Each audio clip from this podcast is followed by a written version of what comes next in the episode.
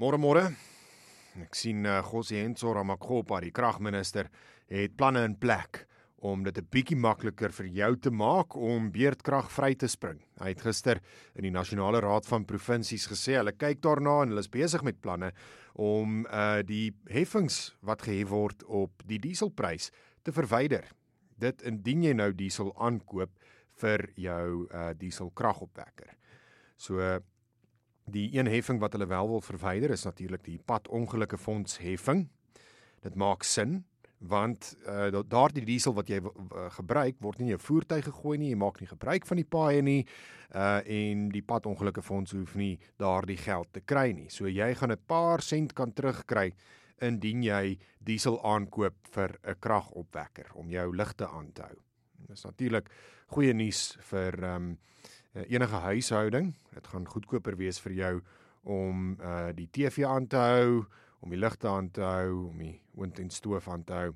Maar vir klein besighede is dit natuurlik 'n uh, 'n baie groot verligting. Uh besighede veral as ons kyk na die voedselwaardeketting wat afhanklik is van permanente krag of of 'n uh, uh bestendige kragtoevoer wat hulle produkte moet koud hou wat hulle vrieskaste moet aanhou. Hulle sal vir langer en vir goedkoper dan ook ehm um, diesel kan aankoop vir die dieselkragopwekkers. Ek is bly daar word daarom iets gedoen te midde van hierdie uh, penarie waarin die land sit met die kragkrisis om tog wel verligting te bied. Maar natuurlik het elke uitspraak wat gemaak word en ons het nou 'n goeie uitspraak soos hierdie, is ook 'n politieke kleurtjie aan en Gosientsora Makgopa wat ook in sy toespraak in die parlement gesê het dat hy bekommerd is oor ongelykheid wat besig is om toe te neem weens beerdkrag. Nou mens moet dit daarom ook net sê. Dis nie 'n uh, uh ons wat beerdkrag veroorsaak nie. Dis die regering wat hierdie beerdkragkrisis veroorsaak het. Dis die regering wat dus die ongelykheid wat daarmee gepaard gaan veroorsaak het. En mens verstaan dit. Daar gaan natuurlik uh, ongelykheid uh, of die die die vlakke van ongelykheid gaan uh groter raak. Dis die rykes en die middelklas wat kan bekostig om die ligte aan te hou. Dis dan ook dieselfde mense wat kan voortgaan om te werk wat vir hulle self 'n inkomste kan verseker. Diegene wat dit nie kan bekostig nie, sit met 8 ure 'n dag sonder krag. 8 ure 'n dag wat hulle onproduktief is, wat hulle moontlike inkomste verloor en daardie ongelykheid wat dus dan net net groter word. Uh Ramakgopa wat ook gesê het dat uh diegene wat baie geld in hulle sak het, ehm um, heel moontlik gaan moet betaal op die lang termyn ook vir hierdie rabatte of tekorte wat uh, gegee word op die heffings. So dit is ook nie ehm um, heeltemal uit die prentjie nie dat daar moontlike oor die langer termyn dat dalk ehm um, uh, sekere heffings of 'n uh, spesiale belasting ingestel kan word. Dit is wat hy nou wil doen om hierdie ongelykheid onder die loep te neem en en uh, te verminder. Die regering kry dit al vir die afgelope 25, 24 jaar nie reg nie. Nee, is nou amper 30 jaar nie reg nie. En ehm um, ek dink nie hy gaan dit reg kry uh deur uh belasting, 'n spesiale belasting te hef en dan ewe skielik gaan ongelykheid opgelos word nie. Ek is jammer dit gaan nie gebeur nie. Nog ander nuus is ek sien daar word nou rondgeskarrel deur die polisie en die valke oor daardie beweringe wat Andre de Ruyter gemaak het. So Andre de Ruyter word nou natuurlik met 'n uh, vol teer gesmeer hierso en ehm um, sy naam word nou deur die modder gesleep omdat hy nommer 1 hierdie private ondersoek aangevra het oor beweringe van bedrog en korrupsie by Eskom. Daar word nou gesê dat hy niemand ingelig het daaroor nie. Uh en dat Eskom definitief nie goedkeuring gegee het vir daardie private ondersoek wat gedoen moet word nie. Ek dink is belangrik om te noem dat hierdie private ondersoek is nie gedoen met Eskom geld nie. Dit is geld wat uh bewillig is uit die privaat sektor uit vir hierdie ondersoek. So dis nie asof Andre Dreiter geld gemors het by Eskom toe hy hierdie ondersoek aangevra het nie.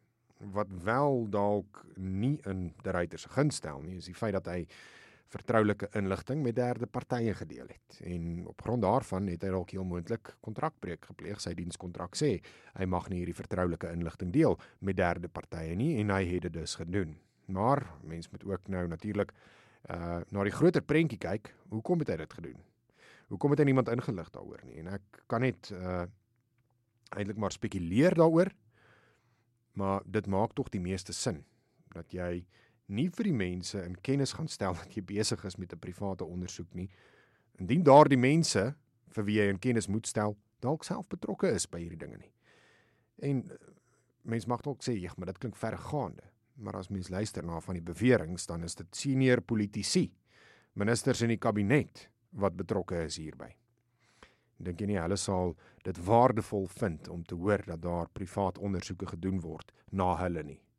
En dat iemand in Eskom dalk uh, 'n voeltjie oorvlei het en dan hulle laat weet het van hierdie private ondersoek nie. So ek verstaan baie mooi waarom Andrei Dreiter dit so gedoen het. Die polisie en die valke wat nou gister in die parlement gesê het, hulle is nooit ingelig deur die ryter nie. Toe sê hulle later ja, hulle het 'n vergadering met hom gehad in Junie verlede jaar, maar die inligting wat die ryter aan hulle verskaf het was van so 'n aard dat dit eintlik maar net uh, vir strategiese doeleindes gebruik kon word en dat hulle nie daarmee uh, met daardie inligting enige uh, misdaadondersoeke van stapel kon laat loop het nie. Tog sou mens net graag wou hê dat indien daardie inligting van die hoof van Eskom afkom dat jy dit daarom ernstig opneem en dat jy miskien dalk daarna kyk om begin ondersoek in te stel na van hierdie beweringe en nie net sê ja maar dit is 'n uh, uh bruikbaar in 'n strategiese ehm um, en 'n 'n beplannings uh manier nie. Kyk na die beweringe. Reageer op daardie beweringe. Moenie net sê goed ons neem kennis daarvan nie. Ek dink dit is dit is nie wat ons wil hoor nie, maar nou ja, dit is wat ons eh, ek dink ons het meer verwag van die van die polisie nie. En dan sien ek die ANC en die EFF maar vreemde bedmaats hier in die Ekurhuleni Metro. Hulle is bedmaats maar van bed en kas geskei. Daar is nou ehm, 'n um, groot bakleierery tussen hulle en hulle samewerkingsooreenkomste in die uh, Ekurhuleni Metro kan heel moontlik op die rotse eindig.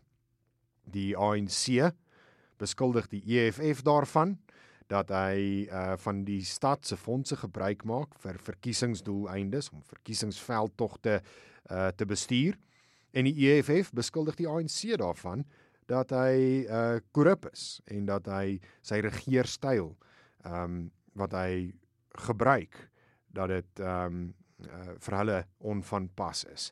So die uh kyk wat nou gebeur het daaroor is hulle 'n burgemeester van die AIC en hulle toe die burgemeestersposte onder die ANC en die EFF verdeel. En nou sit hierdie burgemeesterskomiteelede vas. Nou kan hulle nie ooreenstem oor hoe hierdie stad bestuur moet word nie of die metro bestuur moet word nie. En hulle is besig om mekaar nou in die media aan te val hieroor. Ons sal sien hoe lank hou hier die samewerkingsooreenkomste in Ekurhuleni nog. Maar die rimpel-effek hiervan natuurlik ook dat indien hulle daar vassit in die Ekurhuleni metro, kan dit heel moontlik beteken dat die samewerkingsooreenkomste in die Johannesburg Johannesburg metro nou ook in gedrang is. En die EFF wat en ons het nog net verlede week 'n nuwe burgemeester daar verkies, maar wat dalk kan onttrek uit hierdie ooreenkoms en dan sit ons weer met onstabiliteit en moontlik 'n moesie van wantroue in die nuwe burgemeester en dan speel hierdie hele storie homself net weer van voor af uit waar dan weer 'n nuwe burgemeester verkies moet word waar daar weer gesprekke gevoer gaan word tussen al hierdie partye en waar hulle mekaar weer met modder gaan beswadder in die media oor wie nie met wie wil saamwerk nie en ek dink dit skep net verdere frustrasie by die inwoners van hierdie onderskeie metro's.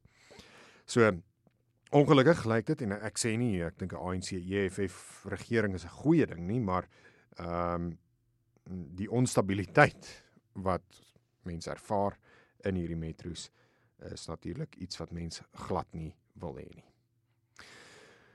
Ons is maar aan onsself oorgelaat hierso. Ek dink nie daai politici gaan enigsins help om jou lewe vir jou makliker te maak nie. Doen dit self en onthou soos altyd, ek stuur vir jou groete. Groete by die huis.